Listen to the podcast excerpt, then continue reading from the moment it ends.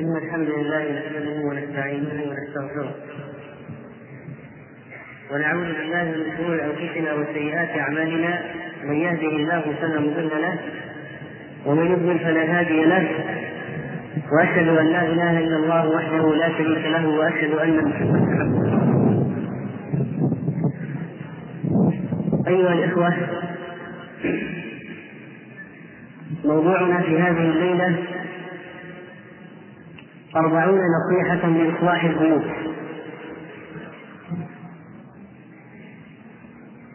وهي وإن كانت ليست بالعدد بل ربما تزيد على هذا قليلا. ولكن المهم أيها الإخوة من وراء طرح هذا الموضوع هو الالتفات ولفت الأنظار من قبل إخواننا المسلمين وأخواتنا المسلمات إلى بيوتهم وبيوتهم. ولعلكم تدركون معي جميعا أهمية طرق هذا الموضوع ولا أدل على ذلك من حضوركم في هذه الليلة بهذا العدد لسماع هذا الموضوع. وسنتحدث إن شاء الله في هذا الموضوع عن مقدمة. عن نعمة البيت ثم نصائح في الطاعات في البيوت ونصائح في العلاقات في البيت ونصائح في أخلاقيات البيت ونصائح عن الأطفال في البيت ونصائح عن المنكرات في البيت ونصائح تتعلق بأحكام البيوت وأخرى تتعلق بسنن البيوت ونختم بخاتمة عن اختيار البيت المناسب والكلام عن هذا الموضوع في شقين الشق الأول جلب المصالح والشق الثاني درء المفاسد. وأنتم تعلمون أن طريقة الشريعة في علاج أي موضوع طريقتها تكون بذكر أمرين جلب المصالح ودرء المفاسد.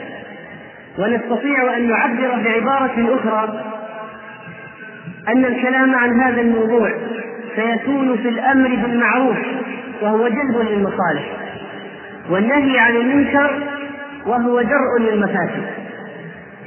أما البيوت فإنها نعمة عظيمة امتن الله تعالى بها على عباده فقال والله جعل لكم من بيوتكم سكنا قال ابن كثير رحمه الله يذكر تبارك وتعالى تمام نعمه على عبيده بما جعل لهم من البيوت التي هي سكن لهم يأوون إليها ويستقرون بها وينتفعون بها من سائر وجوه الانتفاع.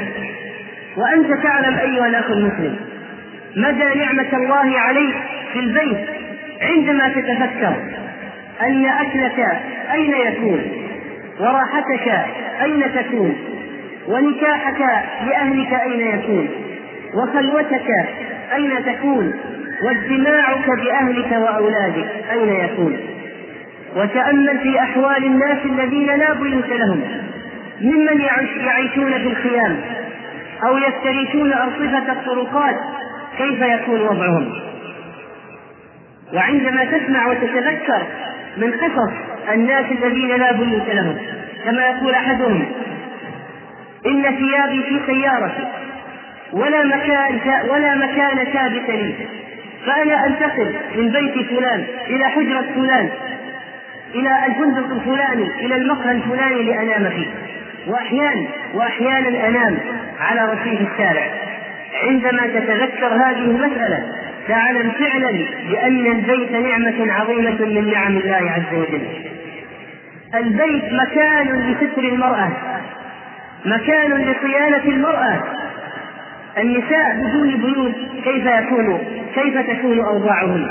ولذلك قال الله عز وجل وقرن في بيوتكن ولا تبرجن تبرج الجاهلية الأولى ولما انتقم الله من بني النضير اليهود الذين كانوا بقرب المدينة ماذا قال الله عنهم؟ هو الذي أخرج الذين كفروا من أهل الكتاب من ديارهم لأول الحشر. ثم قال يخربون بيوتهم بأيديهم وأيدي المؤمنين. فاعتبروا يا أولي الأبصار.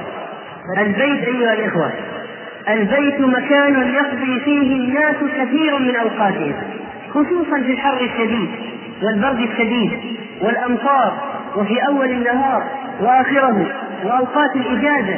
الشاهد أن أن البيت إصلاح البيت مهم جدا لأنه مأوى وملجأ ومكان استقرار يعيش الإنسان فيه جزءا كبيرا من حياته جزءا كبيرا من وقته وعمره يعيش في البيت. لذلك إذا صلح البيت صلح أهل البيت صلح المسلم صلحت عيشته وصلحت حياته. لذلك لا بد على الترك لا بد من التركيز على إصلاح البيوت. مجتمعات المسلمين مما تتكون أيها الإخوة. أليست من عوائد يعيشون في بيوت؟ البيوت تكون أحياء والأحياء تكون مدن والمدن هي مجتمعات المسلمين. فإذا صلحت هذه اللبنة من اللبنات وصلح وصلحت اللبنات الأخرى صار المجتمع صالحا. ويقول عليه الصلاة والسلام موصيا للمسلم عند الفتنة وعندما يحدث منه شر أن يلجأ إلى بيته طوبى لمن ملك لسانه ووسعه بيته وبكى على خطيئته حديث حسن. وقال صلى الله عليه وسلم خمس من فعل واحدة منهن كان ضامنا على الله من عاد مريضا أو خرج غازيا أو دخل على إمامه يريد تعزيره يعني نصرته وتوقيره أو قعد في بيته فسلم الناس منه وسلم من الناس. قعد في بيته فسلم الناس منه وسلم من الناس. أحيانا يكون الشخص إذا خرج من البيت أساء فإذا قعد في البيت ستر نفسه وكف شره عن الناس.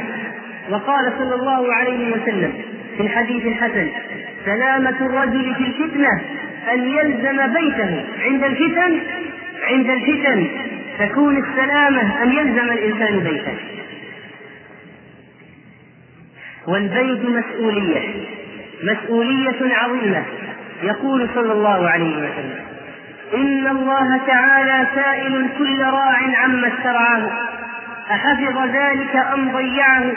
حتى يسأل الرجل عن أهل بيته. حديث حسن. حتى يسأل الرجل عن أهل بيته. هذه هي المسؤولية التي لو استشعرناها جميعا لاتجهنا فعلا إلى إصلاح البيوت. ولتوجهت همتنا حقيقة إلى بعث الروح الإسلامية في بيوتنا هذه. بيوتنا أيها الإخوة تحوي منكرات كثيرة. بيوتنا فيها تقصير كبير. بيوتنا فيها إهمال وتفريط لذلك ينبغي أن تتجه الهمم خصوصا في هذا الزمان. لإعادة رسالة البيت المسلم إلى ما كانت عليه. لجعل هذا البيت عشا يلجأ إليه المسلم. وكنفا يطمئن في جنباته. يغلق بابه عليه. فيعرف كيف يربي نفسه وأهله وأولاده. ومن النصائح التي نبدأ بها؟ نصيحة لمن يريد أن يكون البيت المسلم. اولا أن يحسن اختيار زوجته. فإن البيت يقوم على الزوج والزوجة ومنهما ينبثق الأولاد. فإذا كان الزوج صالحا وكانت الزوجة صالحة صار البيت صالحا ومظنة. لخروج الأولاد الصالحين. وكثير من البيوت التي يكون فيها الزوج سيئا أو الزوجة سيئة يكون البيت سيئا بيتا نكدا خبيثا يخرج نباته خبيثا كما أن مكوناته مكونات هذا البيت خبيثة. نصيحة ولا بد أن يكون رب المنزل قدوة في الخير يتعلم منه أهل المنزل طاعة الله عز وجل. لا بد أن يكون هذا الرجل قدوة صالحة صمام أمن في بيته يدرأ عنه المفاسد ويجلب إليه المصالح. قال الله عز وجل واجعلنا للمتقين إماما وقال صلى الله عليه وسلم خيركم خيركم لأهله نصيحة لا بد أن يحمل كل رجل مسلم زوجته على الالتزام بهذا الدين. لا بد أن يجعلها تعيش حياة إسلامية. كيف يفعل ذلك؟ بأمور كثيرة ووسائل متعددة من تعليمها وتربيتها ووعظها وأن يجعلها تزار من أخوات صالحات وتزور أخوات صالحات ويهدي إليها الكتب النافعة والأشرطة الجيدة وأن يدرى عنها المفاسد ويراقب تصرفاتها. فإذا أوشكت أن تقع في حرام وعظها وجنبها إياه. وقد تكلمنا عن هذه المسألة في محاضرة بعنوان قوا أنفسكم وأهليكم نارا. نصيحة اجعل البيت مكان عبادة. اجعل البيت مكان عبادة قال الله عز وجل. عن موسى وبني إسرائيل وأوحينا إلى موسى وأخيه أن تبوأ لقومكما بمصر بيوتا واجعلوا بيوتكم واجعلوا بيوتكم قبلة وأقيموا الصلاة وبشر المؤمنين. قال ابن كثير رحمه الله ذكر أهل العلم أن أهل العلم ذكروا في تفسير قوله واجعلوا بيوتكم قبلة. معنيين الأول عن ابن عباس أمروا أن يتخذوها مساجد يعني يسجدون فيها يعني يصلون فيها يعني يعبدون الله فيها. وعن إبراهيم معنى آخر قال كانوا خائفين من فرعون فأمروا أن يصلوا في بيوتهم. ما يستطيعون أن يتجمعوا في المساجد مثلا فأمروا أن يصلوا في بيوتهم.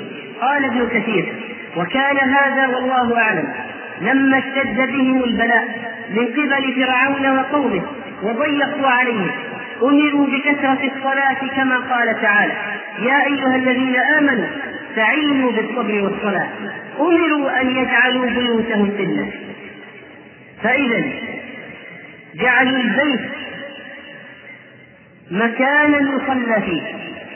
يقول عليه الصلاة والسلام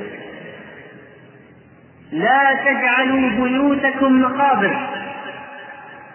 يعني لا تجعلوها خالية من العبادة كالمقبرة المقبرة لا يجوز الصلاة فيها. إلا صلاة الجنازة على الميت بعد في القبر. وغير ذلك لا يجوز أن تتخذ المقبرة مسجدا ولا مصلى. ولا يصلى في المقابر البتة. لا تجعلوا بيوتكم مقابر يعني صلوا فيها. لا تهجروا العباد فيها كالمقبرات وإنما صلوا فيها. نصيحة لا بد أن يجعل البيت بيتا يذكر الله فيه بأنواع الذكر سواء كان ذكر القلب أو ذكر اللسان أو الصلوات أو قراءة القرآن في البيت. أو قراءة كتب العلم ومدارسة أنواع العلم. قال صلى الله عليه وسلم في الحديث الصحيح مثل البيت الذي يذكر الله فيه والبيت الذي لا يذكر الله فيه.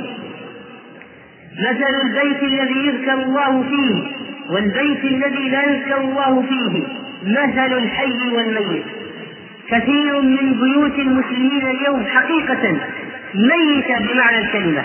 ميتة لأنها مليئة بالمنكرات والمعاصي والألحان والكذب والغيبة والنميمة والاختلاط والتبرج بين الأقارب من غير المحارم أو الجيران الذين يدخلون في البيوت. كثير من البيوت مليئة بالمنكرات على جدرانها وفي أرففها وفي خزاناتها وفي أنواع له المعروض فيها. هذه البيوت كيف تدخلها الملائكة؟ البيت الذي يعد بالشياطين كيف تدخله الملائكة؟ البيت من هذا النوع كيف يمكن أن يكون مصدرا للإصلاح إذا النصيحة مثل البيت الذي يذكر الله فيه والبيت الذي لا يذكر الله فيه مثل الحي والميت. فأحيوا بيوتكم رحمكم الله بأنواع الذكر وأصنافه. نصيحة. وينبغي أن يتعلم أهل البيت احترام أوقات الصلوات احترام الأذان إذا أذن للصلاة كما ورد عنه صلى الله عليه وسلم في الحديث الصحيح أنه كان يكون في مهنة أهله فإذا أذن المؤذن خرج للصلاة استعد للصلاة وخرج للصلاة توقفت الأعمال كلها في البيت استعدادا لهذا الحدث العظيم والخطب الجسيم وهو الصلاة هذه الصلوات الخمس. ينبغي أن يكون لها وزن ولأذانها وقع في بيوتنا نحن. ينبغي أن نتوقف عن الأعمال فعلا لأداء الصلاة توقفا حقيقيا. يرضي الله عز وجل. نصيحة وأمر أهل البيت بالصلاة من شعائر هذا الدين. قال الله تعالى وأمر أهلك بالصلاة واصطبر عليها. ومدح الله نبيا من أنبيائه فقال وكان يأمر أهله بالصلاة. وقال صلى الله عليه وسلم مروا أبناءكم مروا أولادكم بالصلاة لسبع واضربوهم عليها لعشر. فأثبت الأمر أمر الأولاد. غير البالغين بالصلاة فما بالك بأمر البالغين وأمر الكبار بالصلاة؟ من النساء والأولاد الشباب في البيوت وحتى أمر الولد أباه بالصلاة برفق وإحسان يدخل في هذا ولا شك وكثير من المسلمين اليوم ضيعوا ذرياتهم وأولادهم فلا يأمرون بصلاة وربما يكون الأب صالحا لكن صلاحه في نفسه. فيخرج هو للصلاة فقط ويذر أولاده نائمين أو لاهين وزوجته في البيت تعمل. لا يسألها مطلقا ولا يذكرها هل صلت أم لا. أين هو من حديث رسول الله صلى الله عليه وسلم؟ أن الرجل سيوقف بين يدي الله يوم القيامة فيسأله عن أهل بيته وعن مسؤوليته فيهم. أحفظ ذلك أم ضيعه. نصيحة واحرص على إقامة صلاة الجماعة في البيت. إن أمكن ذلك إن أمكن ذلك. فإن فاتتك الصلاة في المسجد لعذر لعذر. فأنت في البيت اجمع أهلك وصل بهم. وإن عدت من المسجد فأحببت أن تتنفل بهم فصل بهم مرة أخرى واجمعهم أحيانا أحيانا حتى تقام هذه الشريعة ويتعلم هؤلاء منك كيفية الصلاة كيفية الصلاة. يتعلمون الاطمئنان في الصلاة منك وأنت تصلي بهم. ويتعلمون قراءة القرآن في الصلاة منك وأنت تقرأ بهم. وتتصحح وتصحح كثير من الأخطاء. في الصلاة إذا أنت أممتهم فصليت بهم كما ثبت أنه عليه الصلاة والسلام. أن بعض المسلمين في بيوتهم رجالا ونساء وأطفالا وعلمهم كيفية الصلاة. نصيحة اجعل اجعل النوافل من الصلوات في بيتك تنفيذا لأمره عليه الصلاة والسلام. إذا حضر أحدكم الصلاة في مسجده فليجعل لبيته نصيبا من صلاته. فإن الله لاحظ معي هذه الكلمات. فإن الله جاعل في بيته من صلاته خيرا. فإن الله فإن الله جاعل في بيته من صلاته خيرا. يعني أن هذه الصلاة هي سبب خير هي سبب خير للبيت عموما. لكن ما هي الصلوات التي تجعل في البيت؟ هي ما سوى الفرائض لأن الفرائض للرجال مكانها في المسجد قال عليه الصلاة والسلام. أفضل الصلاة صلاة المرء في بيته إلا المكتوبة. ويقتدي أهل البيت عمليا بالمصلي الرجل وهو يصلي في بيته. نصيحة وتجعل المرأة صلاة كلها في بيتها وكلما كانت داخل البيت كلما كان أفضل. قال صلى الله عليه وسلم صلاة المرأة في بيتها أفضل من صلاتها في حجرتها وصلاتها في حجرتها وصلاتها في مخدعها أفضل من صلاتها في بيتها. ولذلك كلما كانت أعمق في البيت وكانت أكثر كانت صلاتها أفضل. ولا بد أيها الإخوة أن نتكلم عن التربية الإيمانية لأهل البيت لأننا مسؤولون عنهم. يا أيها الذين آمنوا قوا أنفسكم وأهليكم نارا وقودها الناس والحجارة. كيف تكون التربية الإيمانية؟ إليكم هذا المثال. عن عائشة رضي الله عنها. قالت كان رسول الله صلى الله عليه وسلم يصلي من الليل يصلي من الليل فإذا أوتر قال قومي فأوتري يا عائشة. رواه مسلم في صحيحه. قومي فأوتري يا عائشة فكان يصلي في الليل ويوقظ عائشة يقول قومي فأوتري لا بد أن تتربى الزوجة كما يتربى الزوج على هذه النوافل. وقال صلى الله عليه وسلم رحم الله رجلا قام من الليل فصلى فأيقظ أهله فأيقظ امرأته فصلت فإن أبت نضح في وجهها الماء ورحم الله امرأة قامت من الليل فصلت فأيقظت زوجها فإن أبى نضحت في وجهه الماء فلا بد من الاعتناء بالصلاة المحافظة على الوقت الكيفية الخشوع. وكذلك فإن بعض بعض الزوجات بعض الزوجات إذا رأت زوجها نائما بعد رجوعه من العمل وحان وقت صلاة العصر تقول في نفسها مما يوحي إليها الشيطان. اتركيه لينام ويرتاح فإنه عائد من العمل وهو متعب فتتركه فتضيع عليه صلاة الجماعة في المسجد وهذا لا يجوز فلا بد لها من إيقاظه لأنه أمر بالمعروف وهذا المعروف واجب وهو الصلاة في المسجد للرجل.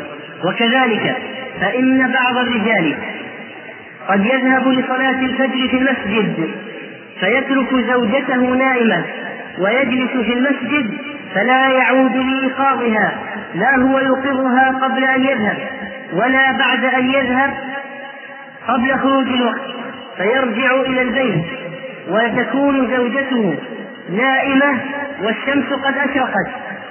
وبعض الناس أيضا من المستعد أن يوقظ ولده مبكرا في موسم الامتحانات. يعتني بإيقاظه للمدرسة ولا يعتني بإيقاظه للصلاة. ويقول مسكين دعه ينام. وتقول الأم هذا ولدي أرحمه فأتركه. ويضيع الصلوات. أي رحمة هذه؟ الرحمة الحقيقية أن يؤمروا جميعا بالصلاة. ومن التربية الإيمانية لأهل البيت. الصيام والتواصي به. نصيحة أن يهتم الرجل بزوجته في العبادات. فمثلا يأمرها بالصلاة في أوقاتها يعلمها كيفية الصلاة ويتواصل معها بالصيام ويوصيها بسرعة القضاء يتابعها بسرعة القضاء فإن كثيرا من الزوجات يدركهن رمضان الجديد وعليهن أيام من رمضان الماضي. وهذا حرام لا يجوز. لا يجوز تأخير قضاء رمضان الماضي حتى يدخل رمضان الجديد دون عذر. وهذه مسؤولية مشتركة مع الزوج. لا بد أن يذكر زوجته أن يذكر زوجته بالقضاء.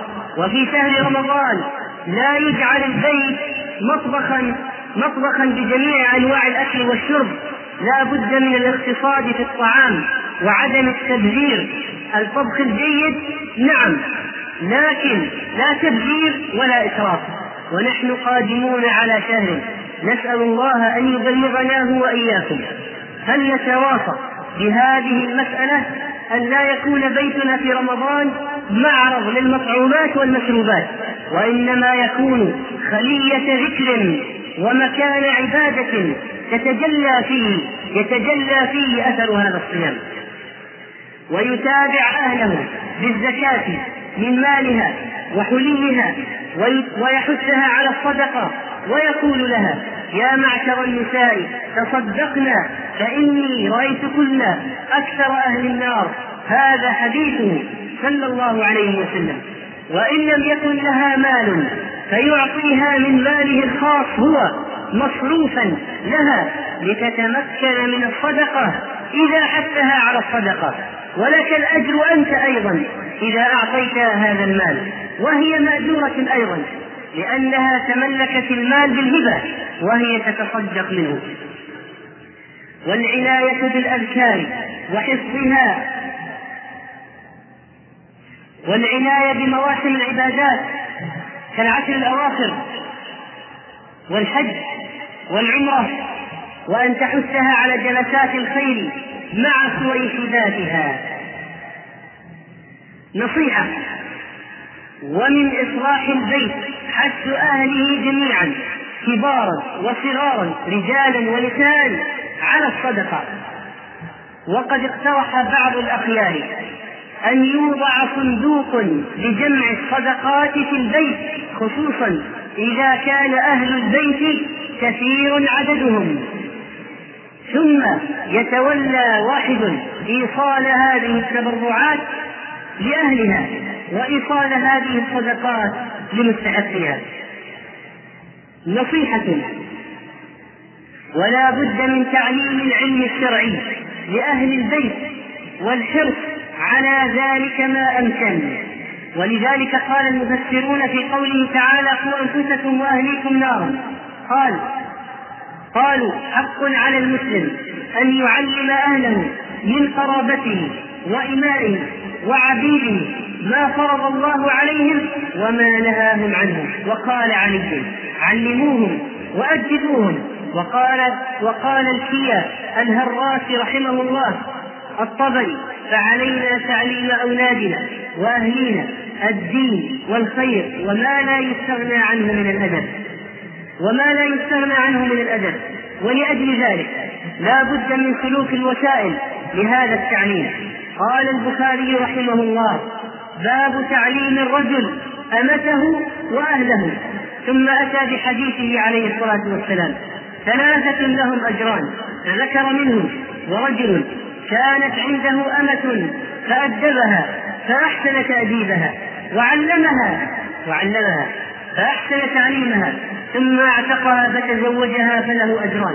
قال ابن حجر في شرح الحديث مطابقة الحديث للترجمة في الأمة بالنص وفي الأهل بالقياس إذ الاعتلاء بالحرائر إذا كان الأمة تعليمها حتى عن الشرع وهي أمة أمة. فما بالك بالحرة من أهل بيتك؟ إذ الاعتناء بالأهل الحرائر في التعليم من فرائض الله وسنن رسوله. آكد من الاعتناء بالإمام ومن هذا تخصيص يوم تخصيص يوم لتعليم أهل البيت. تخصيص يوم لتعليم أهل البيت. نصيحة قال البخاري رحمه الله. باب هل يجعل هل يجعل للنساء يوم على حدة؟ عن أبي سعيد الخدري رضي الله عنه قالت النساء للنبي صلى الله عليه وسلم غلبنا عليك الرجال فاجعل لنا يوما من نفسك فوعدهن يوما لقيهن فيه فوعظهن فوعظهن وأمرهن من طبعا وهن متحجبات أو من وراء حجاب. وفي رواية لسهل بن أبي صالح عن أبيه عن أبي هريرة فقال صلى الله عليه وسلم موعدكن بيت فلانة موعدكن بيت فلانة. فأتاهن فحدثهن فإذا أيها الإخوة لنجعل لأهلينا مواعيد معينة نعلمهن فيها آيات الله وسنة نبيه صلى الله عليه وسلم. وأنا أوصيكم بأن تجعلوا في هذه الحلق تفسيرا وحديثا وفقها واقترح عليكم ثلاثة كتب تجعلوها منهاجا للتدريس تدريس النساء والأهل في البيت. فأولها تفسير مبسط سهل ميسر وشامل وهو تفسير الشيخ العلامة عبد الرحمن بن ناصر بن سعدي رحمة الله عليه. تيسير الكريم الرحمن في تفسير كلام المنان. وثانيا كتاب رياض الصالحين. لما يشتمل عليه من الأدب من الأحكام والآداب وأبواب أعمال القلوب المختلفة. وثالثا كتاب عظيم صنفه العلامة صديق حسن خان رحمة الله عليه من علماء البلاد الهندية. هذا الكتاب اسمه حسن الأسوة بما ثبت عن الله ورسوله في النسوة. كتاب عظيم جامع تنتقي منه أبوابا. تقرأ منه على أهل بيته. أوصيكم بهذا الكتاب فإنه كتاب عظيم. حسن الأسوة بما ثبت عن الله ورسوله في النسوة في شأن النسوة وأمر النسوة. ولا بد أن تعلم النساء في البيوت أحكام الطهارة والدماء والصلاة والغناء وأحكام الأطعمة والأشربة سنن الفطرة من هم المحارم من التي تكشف عليهم ومن التي لا تكشف عليهم؟ أحكام اللباس والزينة. لأنها تتعرض كثيرا لأحكام الأطعمة والأشربة واللباس والزينة. وكذلك تعلم الأحكام في كثير من المنكرات. ما حكم البناء ما حكم التصاوير؟ وهكذا. ومن هذه السبل نصيحة تذكير الأهل بالدروس والمحاضرات العامة ومعارض الكتب التي تخصص فيها أيام للنساء. ومن السبل لتعليم أهل البيت لإصلاح الأوضاع في البيت. من السبل نصيحة جعل المكتبة الإسلامية في البيت. وهذه قضية مهمة ومسألة عظيمة تخصيص ركن في البيت في مجلس عام في البيت. ليس في في مكان لا يصل إليه أحد. زاوية عامة مثل المجلس الذي يجتمع فيه أهل الدار. توضع مكتبة بمظهر جذاب وأنيق. توضع فيها الكتب المناسبة والملائمة لمختلف المستويات. كتب تصلح للكبار وكتيب وكتيبات للصغار وكتب للرجال. وأخرى للنساء وكتب للإهداء حتى لو زارك ضيف. تهديه بعضا من هذه الكتب. وتفيد الأولاد في المدارس. وفي قراءاتهم الخاصة. وتستغل معارض الكتب لإنشاء هذه المكتبات البيتية. أو يوضع غرفة قراءة في البيت ان امكن وتوضع بعض الكتب في غرفة النوم لأن بعض الناس قد يستغلون أوقاتهم. قبل النوم في قراءة بعض الكتب وكثير من العقلاء ينهون كتبا بأكملها. من جراء ما يقرأ يوميا قبل أن ينام؟ ولو ربع ساعة فيتجمع عنده علم طيب من وراء استغلال الأوقات. ويدرب أولادنا على ترتيب هذه المكتبة وعدم رمي الكتب وإلقائها والحرص عليها. وتكون هذه الكتب جذابة في طباعة نظيفة حتى تكون النفس مقبلة على قراءتها. هذه الكتب سبق أن ذكرنا بعضا منها مما ينبغي أن يكون موجود في مكتبة البيت المسلم. موجود ذكرنا في محاضرة بعنوان شكاوي وحلول. ما ينبغي أن تحتوي عليه نموذج. مما ينبغي أن تحتوي عليه مكتبة البيت المسلم. نصيحة. إدخال الأشرطة الإسلامية للبيوت في كل بيت مسجل ولا شك. تقريبا. وبعض المسجلات بأنواع رهيبة من من سعتها وقوة مكبراتها. بما أنه يوجد في البيت مسجلات لابد أن نوجد في البيت لابد أن نوجد في البيت أشرطة إسلامية. وهذا الفراغ في المسجل إذا ما ملأته بشريط نافع سيملأ من ورائك بشريط خبيث. وهذه الأغاني التي تلعلع في بيوتنا وأصوات الشيطان وألحانه من وسائل إفساد البيوت لا بد من إيجاد البدائل الإسلامية لهذه الأشياء. أشرطة القرآن المسجلة بأصوات خاشعة مثل ما يقرأ في صلاة التراويح من أصوات بعض الأئمة. فإن صوت القارئ في الصلاة بالقرآن أخشع من قراءته خارج الصلاة. وأشرطة فتاوي العلماء أيضا لا بد أن يحرص على إيجادها في البيت. مثل فتاوي الشيخ عبد العزيز بن باز حفظه الله وفتاوي الشيخ محمد ناصر الدين الألباني حفظه الله وفتاوي الشيخ محمد بن صالح بن عثيمين وغيرهم. من العلماء. وبدلا من أن تدار إبرة الراديو المذياع على الإذاعات السيئة التي تلقي إلى أسماع أولادنا وأهلينا بالسموم فإن المقترح أن تجعل إبرة المذياع مثبتة على إذاعة القرآن الكريم مثلا حتى يستمع أهل البيت للأشياء النافعة. الحرص على الأشرطة الموثقة التي يهتم المحاضر فيها بتوضيح العقيدة السليمة وصحة الأحاديث وعرض المنهج الصحيح والوعظ والوعظ السليم الوعظ السليم بالطريقة السليمة. وتبيين الأحكام والأشرطة التي تعالج الموضوعات الاجتماعية. وقد كثرت والحمد لله ولكن عليكم بالانتقاء. فإن الآن فإنها الآن قد كثرت وليست كلها تصلح للاستماع أو قل إن بعضها إن سماع بعضها. اشتغال اشتغال بالمفضول عن الفاضل.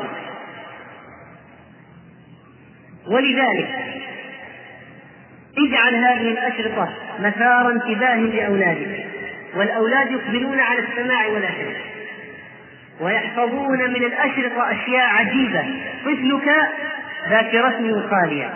يحفظ أشياء عجيبة. فاحفظ هذه الأشرطة لهم واجعلها مصونة لا تكسر وتصبح ملعبة للأولاد. وتوضع لربات البيوت في المطبخ مثلا. مسجل وأشرطة تستمع لها. أو عند النوم. كما يحلو لبعضهم أن يفعل نصيحة. احرص على دعوة الصالحين للبيت من طلبة العلم والأخيار والدعاة إلى الله عز وجل الذين تعمر بهم المجالس وتثار بحضرتهم النقاشات المفيدة والنافعة. إذ أن بحضورهم يجلس الأولاد والكبار بل إن بعض الآباء إذا إذا إذا دعا ولده شيخا أو طالب علم أو خيرا من الأخيار أو داعية. جلس الأب صارت فرصة للأب أن يجلس مع هذا الرجل ويأخذ عنه أمورا كان غافلا عنها أو جاهلا بها. ويستمع النساء من وراء الحجاب لما يقوله هذا الشخص في المجلس وإن لم يمكن فإن على هذا المسؤول عن البيت أن يلخص لأهله ما قاله هذا الرجل الخير في مجلسهم بعد ذهابه. ويقول لهم إن فلانا عندنا فهل لديكم أسئلة تريدون معرفة إجاباتها؟ إن دعوة الأخيار إلى البيوت زيادة على ما فيه من الفائدة فيه إشغال للمجالس عن أهل السوء. قال نوح عليه السلام رب اغفر لي ولوالدي ولمن دخل بيتي مؤمنا وللمؤمنين والمؤمنات. نصيحة. إياك وإدخال أهل السوء إلى البيت. لا يجوز إدخال الفسقة الفجرة الذين ينقلون السموم سواء كانوا رجالا أو نساء إلى البيت. ولا يجوز للمرأة أن تدخل إلى بيت زوجها من لا يرضى زوجها أن يدخل. كثير من البيوت تحطمت بسبب دخول عناصر مفسدة إلى البيت. كثير من العلاقات الزوجية شابتها ظلمات من النكد والمشكلات بسبب دخول بعض الجارات من صاحبات النميمة والغيبة إلى البيوت وكثير من الرجال أهملوا بيوتهم وفسقوا وعصوا ربهم وضيعت عوائد بسبب جلساء السوء الذين يدخلون إلى المجلس في البيت. وتشرب فيه المنكرات. وتلعب فيه يلعب فيه باللعب المحرمة التي أقل ما يقال فيها أنها تضيع الأوقات. فإذا وبعض البيوت حصل فيها سرقات بعض البيوت حصل فيها وضع للسحر السحر الذي يفرق فيه بين المرء وزوجه. من من أين؟ من دخول هذه العناصر المشبوهة إلى البيوت. ولو كانوا أقرب قريب. إياك وصديق السوء إياك وجارة السوء. بعض الناس يسكتون تحت الإحراج فيسمحون لمن هب ودب بالدخول. ورسول الله صلى الله عليه وسلم يحذر النساء يوم خطبة عرفة. يا أيها الناس أي يوم أحرم؟ أي يوم أحرم؟ أي يوم أحرم؟ قالوا يوم الحج الأكبر. يوم الحج الأكبر. قال من خطبته فيهم. فأما حقكم على نسائكم فلا يوطئن فرشكم من تكرهون ولا يأذن في بيوتكم لما تكرهوا لمن تكرهون. ألا وإن حقهن عليكم أن تحسنوا إليهن في كسوتهن وطعامهن. وقال عليه الصلاة والسلام في الحديث الصحيح الذي رواه أحمد والبخاري أخرجوا المخنثين من بيوتكم. وهذا المخنث الذي تعريفه ليس برجل ولا امرأة يحدث فيه تساهل من الدخول على النساء ويصف النساء اللاتي في البيوت بالرجال الأجانب.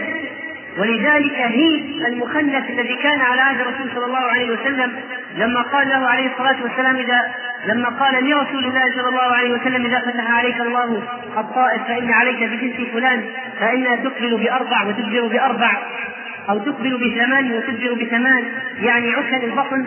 هذا بعده مباشرة عليه الصلاة والسلام أخرجه من بيته ومنعه من دخول بيته لأنه معنى ذلك كما وصف بنات الناس سيصف نساءه يوم من الأيام. فلذلك لا يدخل هؤلاء في البيوت. وأما بالنسبة للعلاقات الاجتماعية نصيحة أيها الولي في البيت أيها القائم بأمر البيت عليك بدقة الملاحظة لأحوال أهل بيتك. عليك بملاحظة من يتصل أولاده؟ بمن من يعاشر نساؤك؟ التعرف على أصدقاء الأولاد؟ ماذا يجلس الأولاد معهم من خارج البيت ماذا يوجد في أدراجهم وتحت وساداتهم وتحت فرشهم وأسرتهم؟ إلى أين تذهب ابنتك؟ إلى أين تذهب ابنتك ومن تزور؟ أليس يحدث أنها تزور أحيانا أناس من الفاسقات يعلمنها من المحرمات شيئا عظيما. وبعض الأولاد يدخلون إلى البيوت الصور والأفلام الخليعة والدخان وبعضهم يدخل الحبوب والمخدرات إلى بيته والعياذ بالله. والأب نائم في يغط في غفلة عظيمة. من أين أتينا؟ من وراء عدم الانتباه إلى ما يدخل للبيوت.